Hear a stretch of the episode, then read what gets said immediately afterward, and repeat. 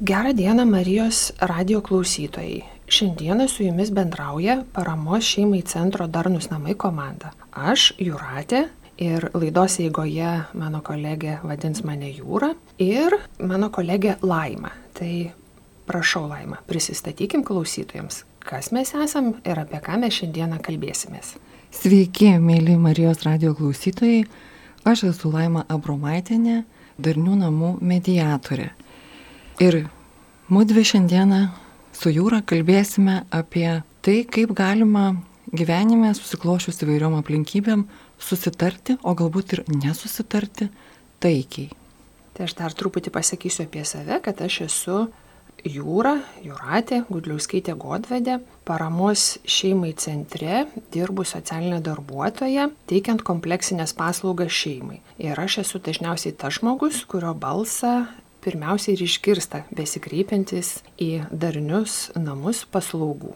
Ir kaip Laima minėjo, šiandieną mes kalbėsimės apie vieną iš kompleksinių paslaugų - mediacijos paslaugą.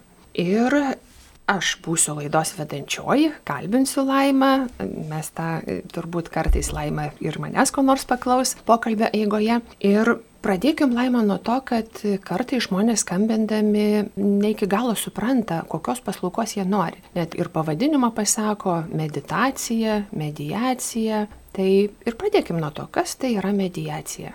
Taip, tai iš tiesų supratimas šiai dienai, kas tai yra mediacija, tikrai, na, jo daugėja ir vis rečiau pasitaiko tos painiavos, bet įdomu tai, kad žodį mediacija į meditaciją, tai kol kas Wordas rašant tekstą tai taiso ir, ir tokios painiavos kartais visai nenorom būna. Tai jeigu trumpai apibūdinti, kas yra mediacija, o lotiniškai mediacijo, mediatijo yra tarpininkavimas, Tai mediacija yra procesas, kurio metu neutralus, nešališkas žmogus, reiškia mediatorius šiuo atveju, padeda žmonėms arba kaip teisiškai sakoma šalims taikiai spręsti kilusi ginčą ar kažkokį tai konfliktą ir padeda priimti abiems pusėms, abiems šalims priimtiną sprendimą. Na, kadangi mes bendraujame dabar Marijos radio laidoje, Tai manau labai vieta būtų pasakyti, kad šventajame rašte Mato Evangelijos penktajame skyriuje, 25 eilutėje, yra minima apie susitarimo svarbą. Greitai susitark su savo ieškovu dar kelyje į teismą, kad ieškovas neįduotų tavęs teisėjui, o teisėjas teismo vykdytojui ir kad tu nepakliūtum į kalėjimą. Tai manau, kad mediacija apskritai yra na, visiems žmonėms, krikščionims ypatingai labai tinkama praktika, kadangi akcentuoja būtent tą susitarimą.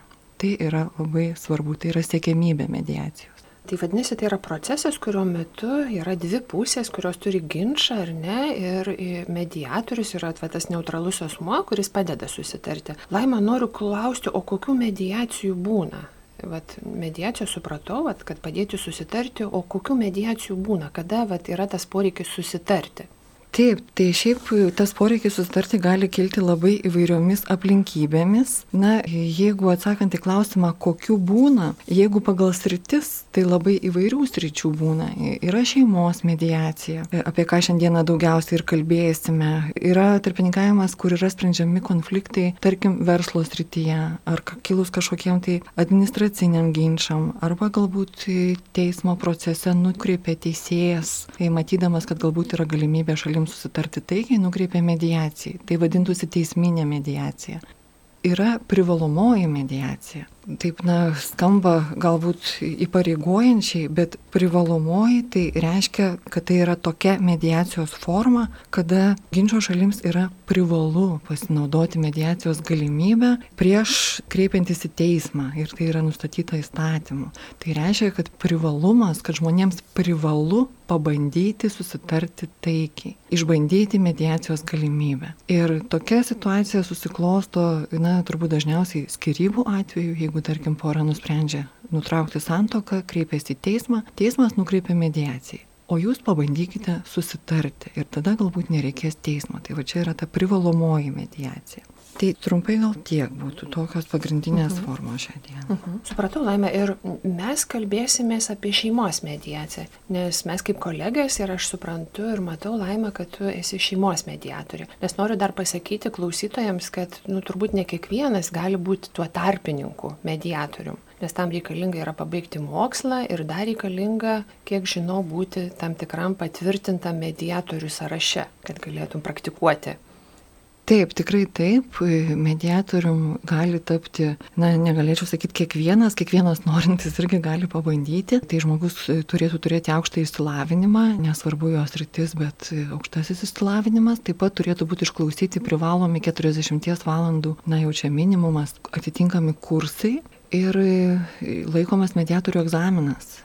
Ir jis, na, nė, nėra toks jau visai paprastas, lengvas dalykas, iš tikrųjų būna jaudulio ir keliami reikalavimai, tai jis yra iš, iš teisinių klausimų dalies ir iš praktinės dalies. Ir jeigu jis pavyksta, įvyksta pokalbis vėliau su komisija ir tuomet praėjus visus šitos etapus, mediatorius įrašomas į, į Lietuvos mediatorių sąrašą. Mhm.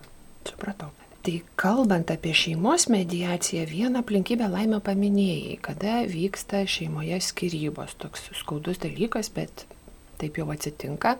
Kokiom dar aplinkybėm yra prasminga kreiptis šeimos mediacijos? Taip, tai galėčiau pasakyti, kad apskritai šeimos mediacijos tikslas Na, tai yra sudaryti galimybės šeimos nariams, visiems šeimos nariams, ir tėvams, ir vaikams, ir galbūt jau suaugusiems vaikams ir tėvams, sudaryti galimybės bendrauti, ieškoti sprendimų kartu, prisimti atsakomybę už savo sprendimus, kurie tiesiogiai liečia tuos pačius, na, besiginčiančius galbūt žmonės ir kitus šeimos narius. O klausimai šeimos mediacijoje gali būti sprendžiami labai įvairūs. Tai ir konfliktiniai šeimos narių tarpusavio santykiai, be abejo, santokos nutraukimo, dažniausias tikriausiai, kurį tenka spręsti klausimą šeimos mediacijos santokos nutraukimo, finansiniai, turto dalybų, na irgi tas dažniausiai iškyla e, santokos nutraukimo atveju. Ginčiai susijęs su vaikais, tarkim, vėlgi, jeigu tai skirybų atvejais, tai gyvenamosios vietos nustatymo, išlaikymo dydžio, mokėjimo tvarkos, bendravimo su vaikais tvarkos. Bet būna ir nebūtinai skirybų atveju mediacijos, kada žmonės daugiau kreipiasi, na, dėl kažkokių nesutarimų, kurie daugiau susiję su santykiais, su bendravimu, vaikų auklėjimo klausimais arba tėvų vaikų tarpusavio ginčiai, gali būti ir giminaičių ginčiai. Taip kad tai yra tikrai plati sritis -huh. ir tikrai iškyla joje pačių įvairiausių klausimų. Mhm. Bet Vat dar aš tos vat, privalomosios šeimos mediacijos momentą perklaušiau, kad jeigu atsitinka taip, kad ginčio pusės taip nesutarė ir nusprendžia kreiptis į teismą, tai teisme visada, kaip minėjai, pasiūloma tai kaip ir susitarti pirmas dalykas - išbandyti mediaciją. Taip, tikrai taip. Uh mhm. -huh. Esmė tame, kad jeigu yra na, nesutarančios šalis, iš tikrųjų yra ginčas, na, uh mhm. -huh. žmonės neranda to sprendimo ir e, jau uh mhm. -huh. mano, kad tik teismas galėtų tą padėti padaryti. Taip. Tai tokiu atveju teismas nukreipia mediaciją. Mhm. Ir kaip gauti mediacijos paslaugą? Kaip, kaip tas atsitinka? Kur kreiptis? Taip, kaip gauti mhm. mediacijos mhm. paslaugą. Tai šiai dienai yra įvairių galimybių. Tai yra ir valstybės garantuojamos teisinės pagalbos tarnyba, kuri suteikia šią galimybę žmogui, kuris norėtų gauti mediaciją, nemokamai kompensuojama 4 valandos mediacijos. Tai reiškia, kad žmogus turėtų na, susirasti tarnybos kontaktus, internete nėra sudėtinga tą šiai dienai padaryti, pateikti pareiškimą ir paprašyti, na, paaiškinti, kad jisai nori tokių ir tokių klausimų mediacijos. Yra nurodyta, kokie dokumentai, kokia forma yra pateikiami. Tai vad viena iš galimybių, jeigu kalbam apie nemokamą paslaugos gavimą. Bet tai yra ribotas laikas, tai yra 4 valandos, na, kartais būna, kad pakanka, kartais iš tikrųjų ne. Yra neteisminė mediacija, teisminė mediacija, kaip minėjau, jeigu teisme vyksta procesas ir nukreipia teismas mediacijai, tai irgi suteikiama nemokama mediacijos galimybė. Kiek platesnės erdves žmonėms, kurie norėtų gauti šią paslaugą, atveria kompleksinės paslaugos šeimai. Tai yra įvairių miestų savivaldybėse vykstantis projektai ir šiai dienai jie tebe vyksta, tai yra jau keletas metų, kai yra vykdomi šie projektai. Kompleksinės paslaugos šeimai ir mediacija yra teikiama kaip viena iš šių paslaugų. Ir kaip žinia, jau ir, ir darniuose namuose yra teikiama ši paslauga, tai va tu pirmoji esi, mhm. kuri išgirsti tą poreikį. Taip. Nes kitą kartą asmenys kreipiasi jau tiesiogiai sakydami, kad yra taip ir taip ir norėtume mediacijos arba norėčiau mediacijos. Ir kiek prisimenu tas, kaip viskas vyksta laima. Bet nu, žmogus kreipiasi, ar ne? Ir, ir mes pasikalbėjom, supratom ar ne, bet besikalbant, kad tikrai tas poreikis yra tikrai ir kad būtent mediacijos būdu galima rasti susitarimą abiems pusėms. Kaip vyksta laima mediacija? Taip, kada žmogus kreipiasi, na, tarkim, kreipiasi darnius namus, kaip pavyzdys galėtų būti, ar ne? Ir susisiekiu aš su klientu, aptariam trumpai situaciją, sužinau, kad, na, tikrai tai yra mediacijoje svarstytina problema ar konfliktas. Dažniausiai kalbu su viena iš šalių, tų besikreipiančių šalių, su tuo, kas kreipiasi, ar tai būtų vyras, ar tai būtų moteris. Ir supratus jau daugiau apie pačią situaciją, aš kviečiu į mediaciją kitą šalį. Na, ar tai būtų ar sutoktinis, ar nesutoktinis, žodžiu, kažkas, kas yra susijęs su to konflikto mhm. sprendimu. Ką reiškia kviečiu? Tai aš rašau raštišką pakvietimą tam tikrą formą, kad žmogus turėtų per 14 dienų nuo to rašto išsiuntimo, aš įsiunčiu registruotų paštu, kad žmogus turėtų per 14 dienų atsiliepti, na, išreikšti savo sutikimą arba nesutikimą dėl mediacijos. Tai čia yra toks formalus pakvietimas, bet paprastai visą laiką paskambinu ir siuntus tą laišką ir telefonu, kad tai nebūtų vien tik tai kažkoks sausas raštas, tiesiog paaiškinu situaciją ir, ir pakviečiu, trumpai paaiškinu, kas ta mediacija, jeigu žmogus nieko apie tai nėra girdėjęs. Ir pakviečiu toliau susitikti ir svarstyti tą klausimą jau bendrai susitikus. Tai va toks yra pakankamai, na, sakyčiau, paprastas pakvietimo būdas, kreipimosi būdas. Mhm. Užtenka žinoti, kur kreiptis. Analogiškai yra ir valstybės garantuojamos teisės teisinės pagalbos tarnyboje. Na, mhm. irgi taip pat raštiškai. E, ten dar yra galimybė rinktis mediatorių iš to sąrašo ilgo, bet mhm. jeigu, jeigu kreipiasi abi šalis, jos gali tą padaryti. Jeigu viena šalis tuomet parenka jau tie, kas suderina mhm. susitikimą mediacijos. Tai svarbiausia yra kreiptis. Mhm.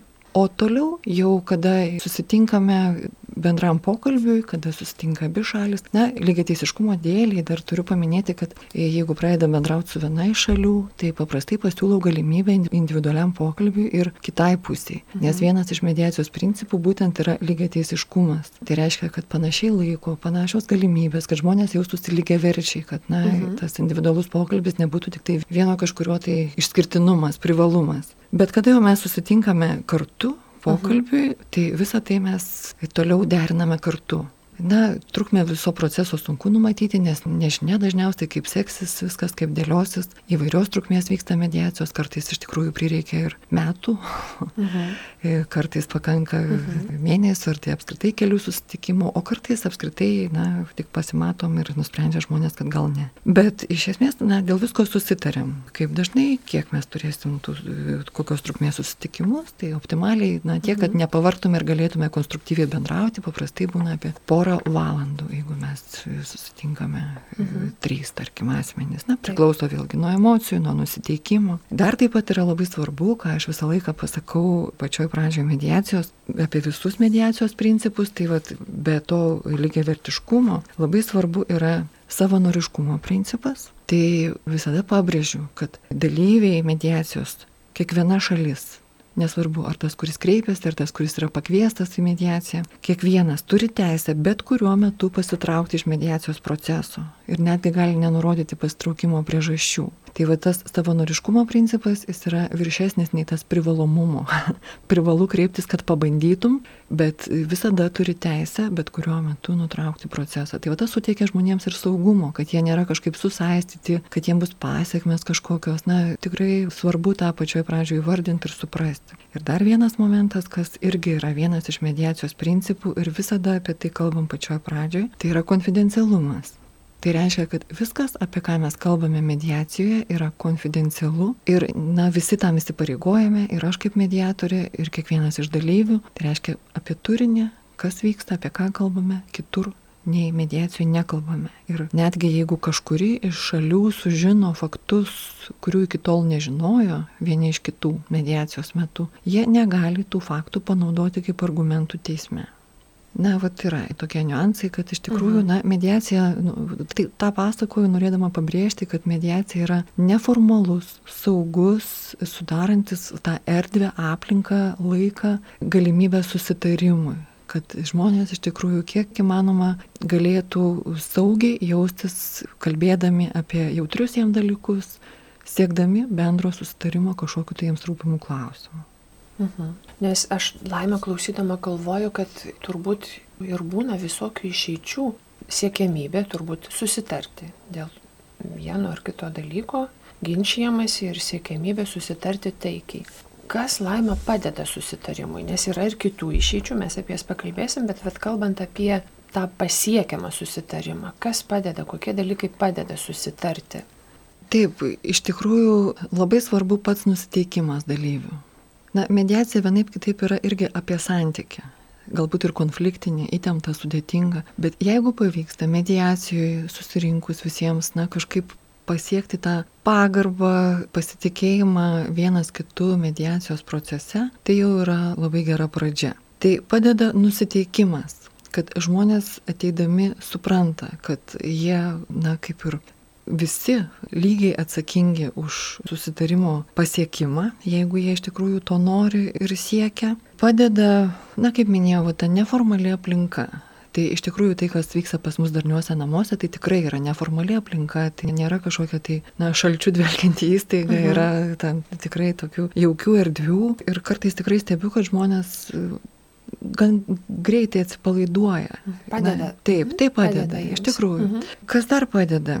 Tai vad kaip minėjau, pradedu nuo principų paaiškinimo, kad vat, visos šitos ribos, tie tam tikri momentai, jie yra vardan dalyvių saugumo. Ir kai mes visą tai aptariam, susitariam ir pasirašom susitarimą dėl mediacijos, tai yra ir raštu taip pat tuo metu išdėstyta, kad sutinka kiekvienas dalyvis iš tikrųjų su tais principais, laikysis konfidencialumą ir visą kitą. Ir kai visi kartu tą padarom, tai irgi yra momentas, kur na, mes tampam lygiai verčiai ir mes prisimam kartu atsakomybę už tą mhm. procesą, kuris vyks. Kas dar padeda?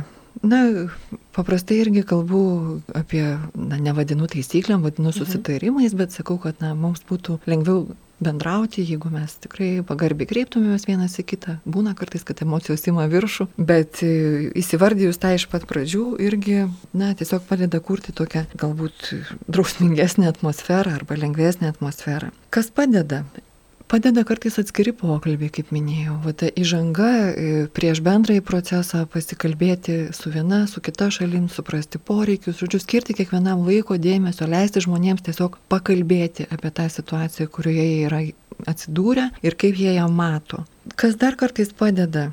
Na, šiaip mediacijoje žmonės gali dalyvauti ir su savo atstovais, tai reiškia advokatais. Yra tekę vesti tokių mediacijų, jeigu iš tikrųjų būna na, labai daug tokių svarstytinų teisinių klausimų, arba kažkuri pusė jaučiasi nesaugi. Tai mhm. vėlgi bendrų sutarimų, jeigu kita šalis sutinka, kad kita šalis dalyvaus su atstovu mhm. ir atvirkščiai, arba vienas su atstovu, kitas be, visą tai suderiname ir, ir irgi vyksta mediacija. Ir, ir kartais tikrai mhm tai būna pagalba, ypač jeigu, tarkim, ten tikrai daug tokių teisinių momentų, kur, na, aš irgi galbūt negalėčiau į tai atsakyti mediacijos metu, aš ir neturėčiau atsakyti, nes mediatorius neprivalo konsultuoti teisiniais klausimais. Kartais padeda pakvietimas nebūtinai mediacijos metu, kad kažkas dalyvautų, bet pakvietimas pasitarti.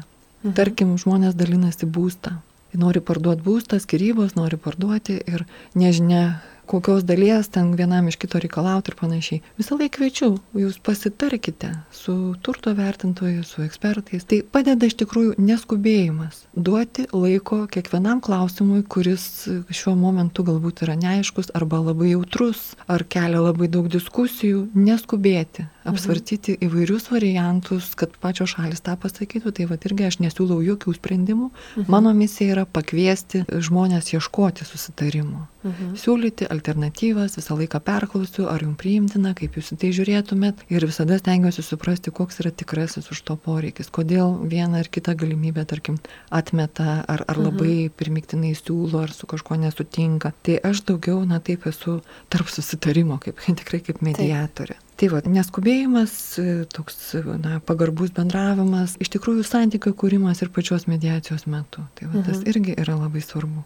Ir be abejo pačių šalių nusiteikimas. Jeigu žmonės ateina suprasdami, kad na, jie buvo atsakingi už tą sprendimą, viskas tvarkoja. Jeigu laikosi tokios kaltinimo pozicijos, ypač skirybų atveju, kada vienas yra skirybų iniciatorius, o kitas yra gilioj nuoskaudui dėl to ir negali išeiti iš tos pozicijos, kad na, su manim tai viskas tvarkojo, tu tai va mum gyvenimą sugriovė šeimą, išardė ir panašiai, tai va jeigu labai ilgai tęsiasi tas nuoskaudos laikotarpis, tai Taip, tada būna sunku bendrauti mhm. ir tai reiškia, kad mediacijai reikia galbūt ar daugiau laiko, ar daugiau susitikimų, ar galbūt ir pagalbos iš šalies. Mhm. Va čia aš ir noriu sakyti, laimė, esu pastebėjus, kad, nu, vadinčiau tai savotišką pertrauką, kada, va, tiesiog išbūti tas nuoskaudas, jas iškalbėti, turbūt vat, ir reikalinga pagalba iš šalies, kada, nu, tiesiog, kadangi mes kartu dirbam, tai tiesiog matau, kaip rekomenduoju jiems tada kryptis pagalbos, kad, nu, atėjus į mediaciją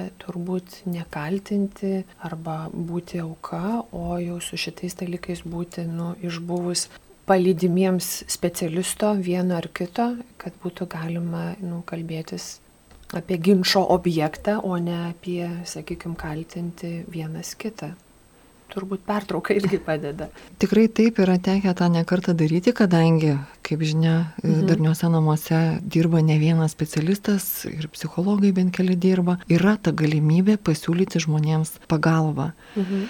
Ir iš tikrųjų, jeigu matau, kad labai dar gilus tokie neišgyventi santykių momentai, patirtis, na, yra psichologų ir kalbama apie skirtingus, kada žmonės yra skirtingose ligmenyse įvykus skiryboms. Taip. Vienas emociškai jau išsiskyręs, jau tarsi kūrė savo kitą gyvenimą, o kitas dar ne. Ir jeigu yra tokios stiprios žirklės, na, niekaip nepaskubinti žmogaus, kad tu jaus greičiau ar jaus kitaip. Arba nebejaus. Arba nebejaus, kai jau čia nėra čia apie ką kalbėti, ne, ne, neveikia šitie mhm. dalykai. Mhm. Tai va tuos etapus reikia praeiti ir jeigu matau, kad tikrai labai yra didelė takoskira, nes paprastai tas, kuris yra nuoskaudoje, jisai jaučiasi auka, jisai kaltina, Taip. jis yra piktas ir kartais, mhm. na, ir tas akivaizdžiai yra, nu, tarkim, ten iš, iš judesių, iš kalbos, iš kalbos tono. Labai daug reikia skirti dėmesio na, suvaldymui, kad tas pokalbis apskritai būtų įmanomas. Tai mhm. Tai va, jeigu iš to kaltinimų rato negalima išeiti, tai tikrai tada na, kviečiu kažkaip siūlau iš tikrųjų mhm. kreiptis pas kitus specialistus ir tikrai žmonės kartais išgirsta. Aišku, būna visai, būna, kad ir ne, ir neišgirsta, ar, ar, ar, ar galbūt, kad nepadeda ta pagalba, na, mhm, ne, nesam visagali, bet iš tikrųjų ta vat, kompleksinė pagalba čia tikrai yra vat, tai, kas šiais atvejais galėtų padėti. Ir, ir aš manau, kad mhm. ir, ir tu, Jūra, kaip pozityvios tėvystės Taip. ekspertė ir, ir didelę patirtį turinti, matai, kad na, žmonės gali įvairius klausimus išspręsti. Tikrai taip, tikrai taip. Ir aš galvoju, laimę, tai vat, suprantu, kad viena tai ideali išeitis yra, kad žmonėms pavyksta susitarti. Ir ką jie tada vat, su tuo sprendimu gali daryti? Susitarė jūs raštu turbūt tą, kaip viskas vyksta, kaip pavyksta pasiekti susitarimą. Taip, idealiu atveju, jeigu iš mhm. tikrųjų pavyksta pasiekti susitarimą, kuris tinka abiem šalims, tas yra labai svarbu, kad abu dalyviai, na, jeigu tai yra pora, tarkim, kad jie patvirtintų, kad taip, vat, tai man tinka, tai yra priimtina. Toliau yra sudaroma taikos sutartis, taip vadinama. Taip jinai ir vadinasi, jeigu tai yra santokos nutraukimas, tai tada vadinasi santokos nutraukimo pasiekmių sutartis. Žodžiu, surašomas dokumentas, kaip jisai besivadintų, bet taip. tai, kas sutarta, tas sustarimas yra paruošiamas raštu. Jeigu tai nėra labai teisiškai ypatingai sudėtinga, tai aš paruošiu tą dokumentą. Jeigu reikia vis dėlto daugiau teisinių įvairių niuansų aprašyti ar tai nagrinėti, tada nukreipiu toliau pas teisininkus, kurie išmano tą teisinę kalbą, kadangi na, aš esu neteisinio išsilavinimo, tai kartais iš tikrųjų na, nesinori žmonėm laiką gaišinti, bet esmė, kad pats susitarimas, taip, jis taip yra paruošiamas raštu ir dalyviai pasirašo tą susitarimą na, dažniausiai tai vyksta jau ne tuo pačiu, kai susitarėm ir jau iš karto surašyti nepavyksta, nes tam prireikia laiko, tai mes susitinkame dar po kažkurio tai laiko ir būna proga perklausti, ar niekas nepasikeitė, ar tikrai tas susitarimas galioja. Ir kai jau dokumentas yra pasirašytas, toliau šalis neša tą dokumentą tvirtinti į teismą. Jeigu tai yra na, dokumentas, kuris turi būti teisiškai patvirtintas, jeigu tai yra santykiai, kažkokie vidiniai dalykai, na, kur nereikia to raštiško patvirtinimo, tai be abejo tai būtų perteklinis momentas. Bet, e, tarkim, jeigu tai yra santokos nutraukimo pasiekmių sutartis, taip, tai jinai yra surašoma, pasirašoma ir toliau žmonės neša tvirtinti į teismą. Na, dar paruošiami palidimieji dokumentai, prašymas teismui, kad patvirtintų, kadangi tai, kas yra sutarta mediacijoje, tą dokumentą teismas, jeigu viskas yra teisiškai tvarkinga, priimtina, patvirtina be svarstymo. Ir čia yra didelis mediacijos privalumas, kadangi tam prireikia mažiau laiko, lėšų taip pat ir, na, ir sveikatos, energijos, nervų, taip sakant. Taip, taip, girdžiu laimę, tai yra tiesiog, nu, galiojantis, jau nesvarstytinas, visas tas darbas įvyksta kartu su mediatorium ir tada tiesiog kaip teisinis, nu, kaip sprendimas, kuris turi teisinę galę. Taip, teisinę galę tada, kai teismas tą susitarimą patvirtina. Taip, taip. Žodžiu, kai šalis nuneša į mhm. teismą, mhm. jau kaip dokumentas su prašymu patvirtinti, su visais kitais ten reikalingais dokumentais, ten mhm. asmens dokumentais, jeigu tai tarkim skirybos, bet e, patvirtinus teismui, tas susitarimas, ar taikos sutartis, ar santokos nutraukimo pasiekmių sutartis įgauna vykdomąją galę. Tai reiškia, kad jeigu Laikui bėgant paaiškėja, kad kažkuri iš šalių to susitarimo nesilaiko, kita šalis gali kreiptis į teismą ir teismas toliau teisiniu būdu ieškos būdų, kaip na, kaip vis dėlto priversti laikytis to, kas taip, sutarta. Taip, kaip, kad, kad įgyvendintų abi šalis taip. tą susitarimą. Supratau, tai yra labai svarbus dalykas ir iš tikrųjų labai nu, graži, visiškai kitokia aplinka tam susitarimui ir kaštai kitokie pasiekti.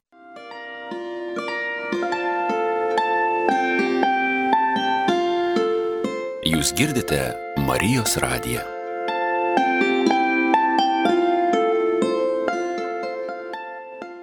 O laimė, kas atsitinka, kai nepavyksta? Nes jeigu, mhm. sakykime, ir su pagalba kitų specialistų, ir su visais dalykais, kuriuos tu minėjai, nepavyksta.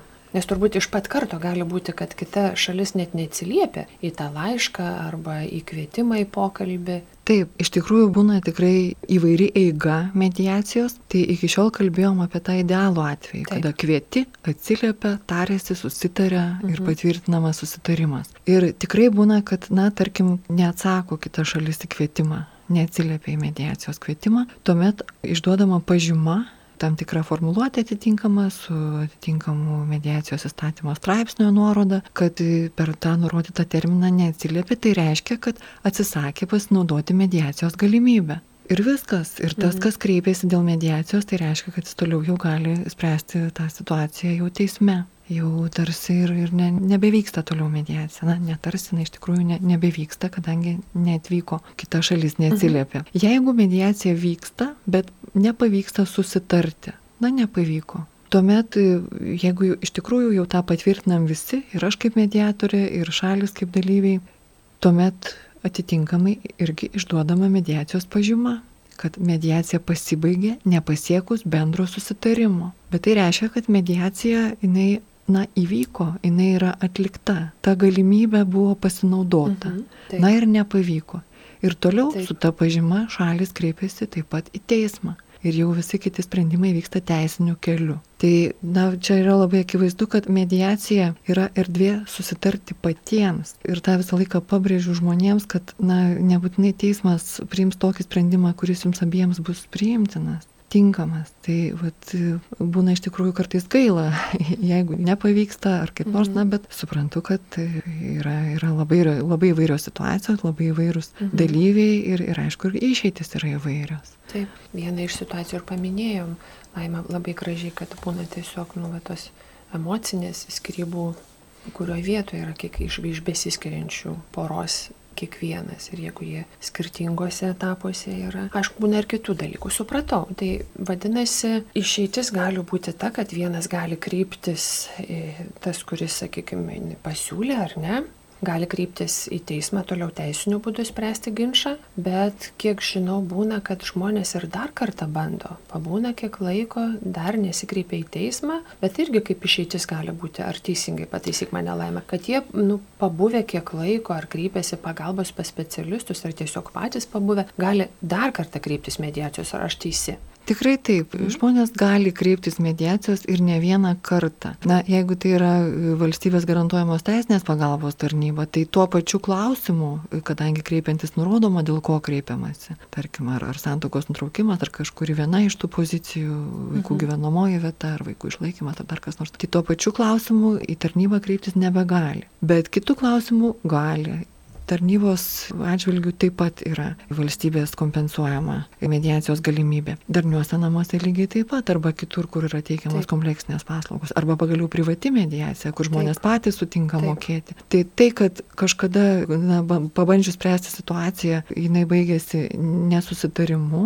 ir išduodama pažyma, kad mediacija pasibaigė nepasiekus bendro susitarimo, tai nereiškia, kad užkertamas kelias toliau tartis ir kreiptis ar pas tą patį mediatorių, mhm. ar pas kitą mediatorių mediatorių, bet toliau kreipti šios paslaugos ir bandyti tartis. Mhm. Taip, ir laima, bet bekalbant, mums taip gaunasi, kad dažniausiai sakom skirybų mediacija. Ir lygiai tą patį galiu tvirtinti dėl besikreipiančių mediacijos paslaugos į darnius namus. Kad nu, dažniausiai situacija, dėl kurių kreipiasi žmonės, yra skirybų. Ką galėtum laima pasakyti apie skirybų mediaciją?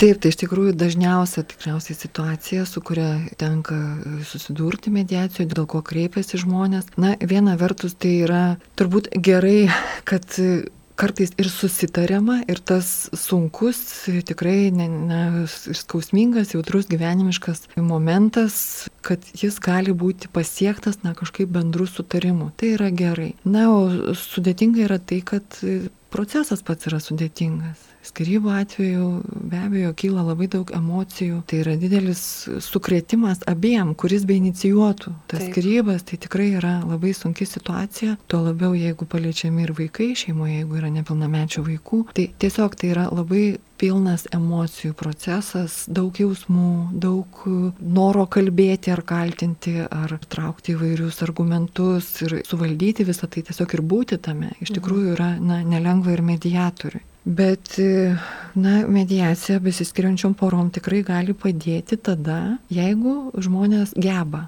valdyti mhm. savo jausmus, na, nepaisant to, kad patirtis sunkios, bet vis dėlto valdyti jausmus, sutelkti dėmesį, na, svarbiausia į vaikų poreikius, jeigu šeimoje yra vaikų besiskiriant šeimai, jeigu jie geba atskirti savo ir vaikų poreikius, nesiekti kažkaip paveikti kitą savo sprendimais, principingai kažkaip ko nors išreikalauti, mhm. bet suprasti, kad mano sprendimas gali turėti kokią nors neigiamą poveikį vaikams. Tai va, jeigu geba matyti tą visumą, kad na, šeima vis dėlto, kad ir besiskirianti, bet tėvais jie liks visą gyvenimą, mhm. jie to vaidmens nepraras išsiskyrę. Tai jeigu žmonės ateina su tuo suvokimu ir pajėgia bendradarbiauti, tada iš tikrųjų mediacija yra puikiai erdvė susitarti dėl įvairių dalykų. Ir, na, taip, dar šiek tiek, jeigu atkalbant apie tą skirybų situaciją, kartais žmonės, na, ne visai suvokia, kad ir pačių tėvų vaidmenys keičiasi.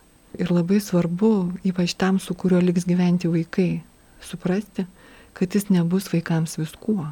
Net jeigu kartais mamos ir sako, kad va tėtis ne, ne, nežiūrėjo iki tol šeimoje ir vėliau iš čia nežiūrės, aš viskas vaikams, vaikai tik mane turi ir taip toliau. Netiesa. Negali būti viskuo, o jeigu taip tvirtini, tai yra ne visai tiesa. Ir, na, tas suvokimas iš tikrųjų atveria visai kitą perspektyvą ir pagarbą kitam iš tėvų ir tą supratimą, kad, na, ir kitas tėvas, koks jisai buvo iki tol, toks, bet mhm. kad jis yra svarbus ir kad na, atstatyti, išlaikyti tą santyki, palikti vaikui ar vaikams galimybę bendrauti su tuo tėvu, su kuriuo nesimatys kiekvieną dieną. Tai yra labai svarbu iš tikrųjų.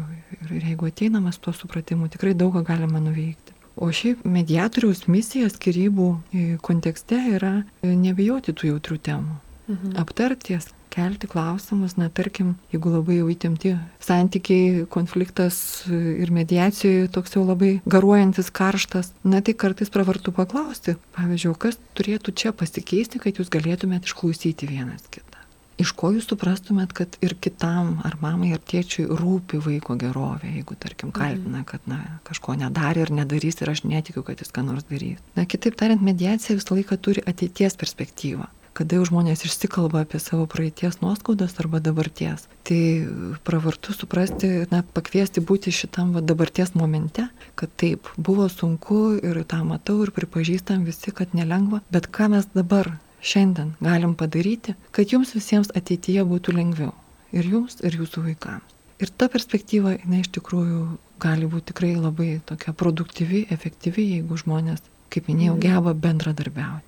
Labai girdžiu laimę ir aš galvoju savo visai neseną tokią realią situaciją, kad nu, žmonės norėdami gražių skirybų kreipiasi į darnius namus, tikėdamiesi ne mediacijos, bet kito specialisto pagalbos, galvodami, tu jau esi paminėjus tos tris dalykus, vad skirybose, kada yra nepilnamečiai vaikai, kad yra labai svarbu susitarti dėl gyvenamos vietos, dėl išlaikymo ar ne ir dėl bendravimo tvarkos. Tai kažkaip, nu, mano tokia patirtis, kada kalbamės kokios pagalbos, kokios paslaugos reikėtų, kalbant apie skirybų mediaciją, tai kad labai vat ir ta, sakykime, ta situacija, apie kurią pradėjau kalbėdama, kad gražiai išsiskirti ar ne ir mažai dėmesio suteikia arba konkretumo dėl bendravimo tvarkos. Tiesiog, vad, sako, nu mes pagal poreikį, pagal situaciją susitarsim. Tai aš vienus dalykus e, tai besikreipiančiai mama kreipėsi, pasakiau, kad,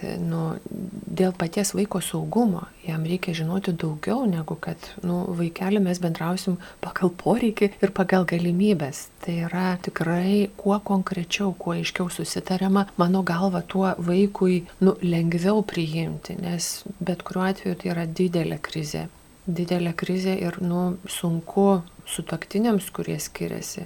Ir laimė tu labai gražiai paminėjai, kad jie kaip tėvai niekada negalės išsiskirti. Nes jie visą laiką bus tėtis ir mama tam konkrečiam vaikui ar konkretiems vaikams. Tai vad, norėčiau klausti laimę apie bendravimo tvarką, kokie svarbus dalykai ir ką reiškia vat, toks supratimas, nu, pagal poreikį, pagal aplinkybės, va, kai šitoks susitarimas Taip, tai iš tiesų, kada šeimoje yra nepilnamečių vaikų ir skiriasi tėvai, tai yra trys pagrindiniai momentai, kurie tam santokos nutraukimo pasiekmių sustarime turi būti paminėti, aptarti. Tai visų pirma, vaikų gyvenamoji vieta, ir nebūtinai ta, kur deklaruota, arba tiksliau mhm. visai ne ta, kur deklaruota, bet su kuriuo iš tėvų vaikai lieka gyventi.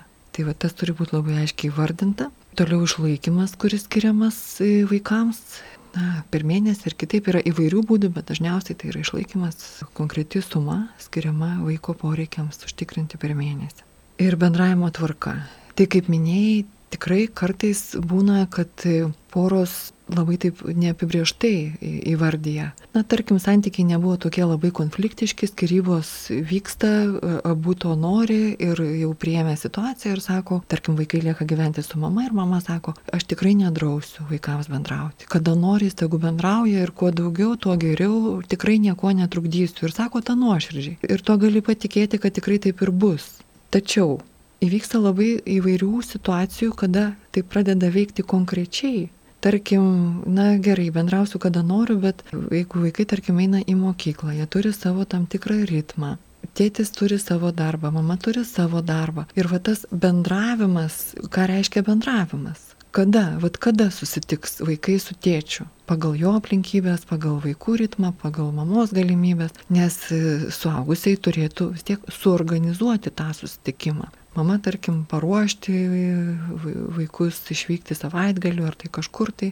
Tėtis turėtų atvykti, paimti arba jeigu jie sutarė kitaip, kažkas juos kažkur turėtų nuvežti tam tikrą mhm. vietą ir panašiai. Tai kyla tokių labai konkrečių klausimų, kurie jeigu nėra aptarti, vėliau gali tapti konfliktiški. Ir netgi teismo atžvilgių, na, yra tekę matyti, kad bendravimo tvarka taip ir nurodoma, kad bendravimo tvarka neribojama. Tarkim, tėčių neribojama bendrauti galimybę su vaikais arba atvirkščiai mamai neribojama bendrauti. Bet yra tikrai tekę vesti mediacijas, kada žmonės kreipiasi jau po skirybų, jau teismas patvirtina, jau, jau jie yra išsiskyrę, bet jie kreipiasi į mediaciją būtent dėl bendravimo tvarkos patikslinimo, nustatymo. Tai va tai irgi yra tarsi ženklas, kad tai yra svarbu. Ir taip pat yra tekę girdėti, na, man neteko tos patirties turėti, bet iš kolegų yra tekę girdėti, kad būna kartais, kad teismai netvirtina, jeigu nėra aiškiai įvardintos bendravimo tvarkos. Tai gali būti, kad tai priklauso ir nuo konkretaus teismo ar teisėjo, bet tai yra toks, na, pakankamai toks liūdus klausimas, kurį iš tikrųjų, na, bent jau kviečiu apie tai galvoti visada mediacijai.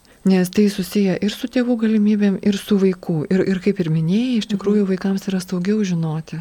Ir visiems yra geriau žinot, planuot, kuris tai bus savaitgalis, kurią atostogų dalį, su kuriuo iš tėvų praleis vaikai. Na, būna kartais labai detaliai nustatoma jau iki tiek, kad tarkim ten, jeigu vaikų atostogos, tai kažkurios, tai, na, arba tarkim, ne, ne atostogos, kalėdų, sakykime, mhm. šventės, ar tai Velykų, kur po porą dienų, ar ne šventinių. Tai viena diena diena su tėčiu, antra diena su mama. Ar pirma kalėdų diena ten su vienu iš tėvų, antra kalėdų diena su kitu iš tėvų. Yra ir taip nustatoma. Na tai mhm. reiškia, kad tikrai tai yra svarbu, arba daug nepasitikėjimo, arba dar kažkas. Tai, na tikrai kartais būna įspūdis, kad, na, nu, pavargs visi mhm. taip puoliai paisydami tos mhm. tvarkos, bet matyti tai yra svarbu. Na, mhm. jeigu, jau, jeigu jau iš tikrai žmonės patys to siekia, tai niekada nestabdau. Taip. Tik tai visą laiką klausiu, na, ar tai atitiks jūsų realybę. Mhm. Ar tai neįpainios. Bet bet kokiu atveju tikrai yra svarbu kalbėti apie bendravimą, apie bendravimo tvarką. Ir aišku, kaip ir apskritai mediacijoje, ir šitaus klausimus sprendžiant, na, laimi tie, kurie gerbė vienas kito poreikius ir supranta, kad tose situacijose, kurių, na, realiai negalima taip jau iki smulkmenų iš anksto suplanuoti, padės tik tai geranoriškumas, kad jie ir liks va čia va tie tėvai, savo vaikų tėvai, jeigu jau ir nebesutoktiniai. Ir juos gelbės tik geranoriškumas, jų, na, tas bendradarbiavimas. Tarkim, kažkas na, atsitinka netikėto, negaliu nuvykti pas vaiką tada, kada sutariu. Taip, taip informuoju greitai kitą, prašau, gal tu gali padėti. Ir jeigu yra geranoriški vienas kitam, tikrai tai bus situacija išspręsta. Mhm. Ir visiems nuo to tik tai geriau. Nes ko gero, taip toks aptakus bendravimo tvarkos susitarimas irgi, bet lygiai taip, nu, toks, nu, nerekomenduotinas, bet lygiai taip pat girčiau laimę, kad ir toks laik labai smulkmeniškas, kur jau vos ne dienom ir valandom, irgi jisai, nu, nerealistiškas, ko gero. Ir girdžiu, kad vaistas nuo to yra geronoriškumas, kad iki galo sunku ir numatyti, kaip ta bendravimo tvarka turėtų nu, būti, nes vis viena yra ir vaiko poreikiai, nes yra tėčio mamos galimybės, bet ir vaiko poreikis, nes pagal tą planą vaikas tiesiog, nu, visai gali būti, gali jis nenorėti, gali, gali norėti, gali kitą dieną. Žodžiu, girdžiu, kad geronoriškumas yra tas vaistas, kuris gelbėtų tada tose situacijose. Tikrai taip, o, o tas ypač smulkmeniškas e, plano numatymas, sudėliojimas, na, tai viena vertus gali reikšti ir norą kontroliuoti, na, nepasitikėjimą, mhm. norą kontroliuoti, jeigu tu taip nepadarai, tai vat, nepaimiai tą valandą ar netvežiai vaiko tą valandą, mhm. vis taip gali būti, kartais aišku gali iš tikrųjų kažkas piknaudžiauti ir, ir nesilaikyti susitarimų, būna įvairiai, bet visą laiką tam tikras sveikas toksai, na, laisvės laipsnis, jis tikrai yra pagalba visiems, nes mhm. tikrai nutinka įvairių situacijų ir, na, ar tai lygos, ar kažkas, ypač šią dieną, kada tą tokį pandeminę suirutę patiriam, taip, taip, tai, taip. tai tikrai, tikrai tas labai svarbu būti geranoriškiams. Dar vienas momentas, kuris e, susijęs irgi su bendravimo tvarka, na, pasvarstyti, pavyzdžiui, o kaip tėvai elgsis e, susirgus vaikams, vaikų lygos atveju kas tada nutiks. Aišku, niekada to ne, nei norisi nei kalbėti apie Taip. tai, nei tikėtis, na, bet natūralu gyvenime visko nutinka. Tai va ir keliam tada klausimus. Kas slaugys? Kaip tada jie elgsis, jeigu susirgs, tarkim, vaikas, tada, kada praleis laiką ne ten, kur pastoviai gyvena, tarkim, ne su mama, bet su tėčiu, arba atvirkščiai Taip. gyvena su tėčiu, bet susirgs, susirgs pas mamą. Kas mhm. laugys, kas apmokės gydymo išlaidas, kaip jie informuoja tada, per kiek laiko turėtų informuoti. Mhm. Tai va irgi tokie dalykai, kur kažkaip pagalvoti, įsivaizduoti, truputėlį pasitart, mm. tikrai būna pagalba. Taip, laimė laikas mūsų labai greit bėga. Čia galėtume kalbėti ir gilintis dar į dalykus. Aš noriu paklausti prieš pabaigą, o kokiom aplinkybėm nukreipimas mediacijos paslaugai nu, neefektyvus. Jis gali būti prasmingas, bet nu, neefektyvus.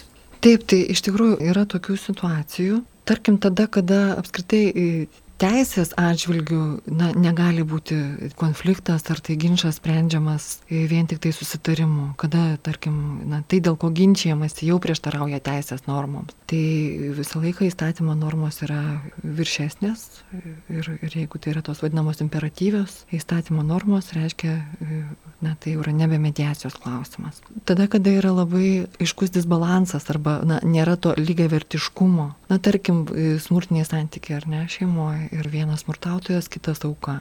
Mhm. Pas vieną stipresnė visokiojopai ir emocinė, ir finansinė, ir visokia kitokia padėtis, kitas yra na, daugiau nepritekliuje ar stokoje. Ir tai jau, jau būtų labai abejotina, ar tikrai na, galima medijuoti.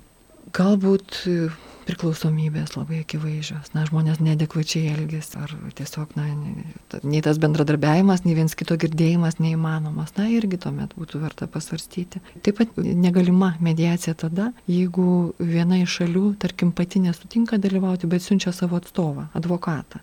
Ir nors šiaip advokatai gali dalyvauti mediacijoje, bet be paties žmogaus ne nes jis turėtų reikšti savo nuomonę, savo poreikius, savo interesus.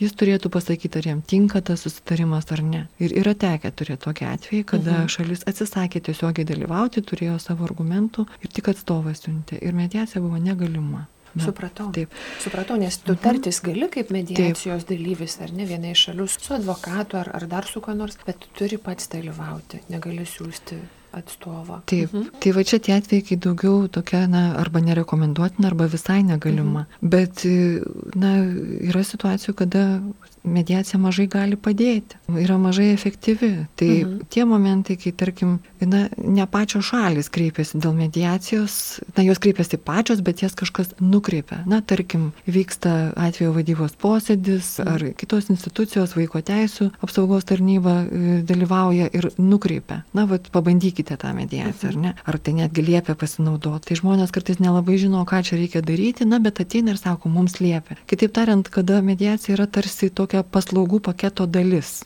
Ne visai iki galo suprantant, kad jinai tikrai šiuo metu reikalinga ir prasminga. Tai tuomet iš tikrųjų nesugaištam ir nemažai laiko aiškindami, ar čia tuo adresu, ar ne tuo adresu, ką su to daryti. Kartais, aišku, pavyksta, bet, na, truputėlį apie tą vat, prasmingumą tikrai kartais verta pagalvoti, kad tais atvejais, kada skiriama mediacijai, kada mhm. nukreipiama. Ačiū laimė. Ir baigiant mūsų pokalbį, Aš tiesiog nuo to žodžio, kad e, vat, tomis aplinkybėmis, jeigu ir nepavyksta pasiekti susitarimo, prasmė vis tiek yra. Norėtume baigti laivą turbūt tokiu būtų, kad pabandyti, stengti susitarti yra prasminga. Gali būti neefektyvu. Rezultato mes nu, neturėsim to idealaus, kur laidos pradžioje kalbėjom, kad vat, turėsim raštišką susitarimą, pasitvirtinsim, Tikrai taip. Na, mhm. mes kartais ir su kolego mediatoriais padiskutuojam, vad kas yra mediacijos sėkmė. Aišku, idealiu atveju susitarimas, kuris tinka visiems ir kuris palengvina tą gyvenimą ateičiai, nu, nuo šiandien į ateitį žiūrint. Tačiau tikrai sėkmė yra ne vien pasiektas susitarimas. Na, būna tikrai, kad ir mediacijos metu žmonės pradeda kitaip matyti savo situaciją.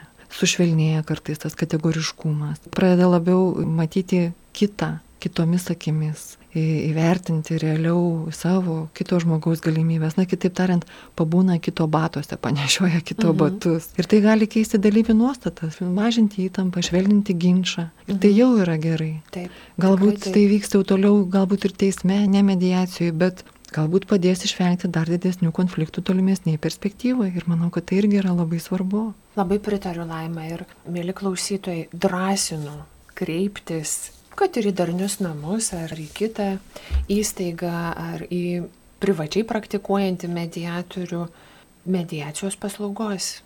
Aš taip pat antrinu jūrai, tikrai noriu pasidomėti, padrasinti, kreiptis mediacijos ir iš tiesų tai yra galimybė kurti daugiau taikos savo aplinkoje, o kur yra daugiau taikos, ten yra daugiau ramybės.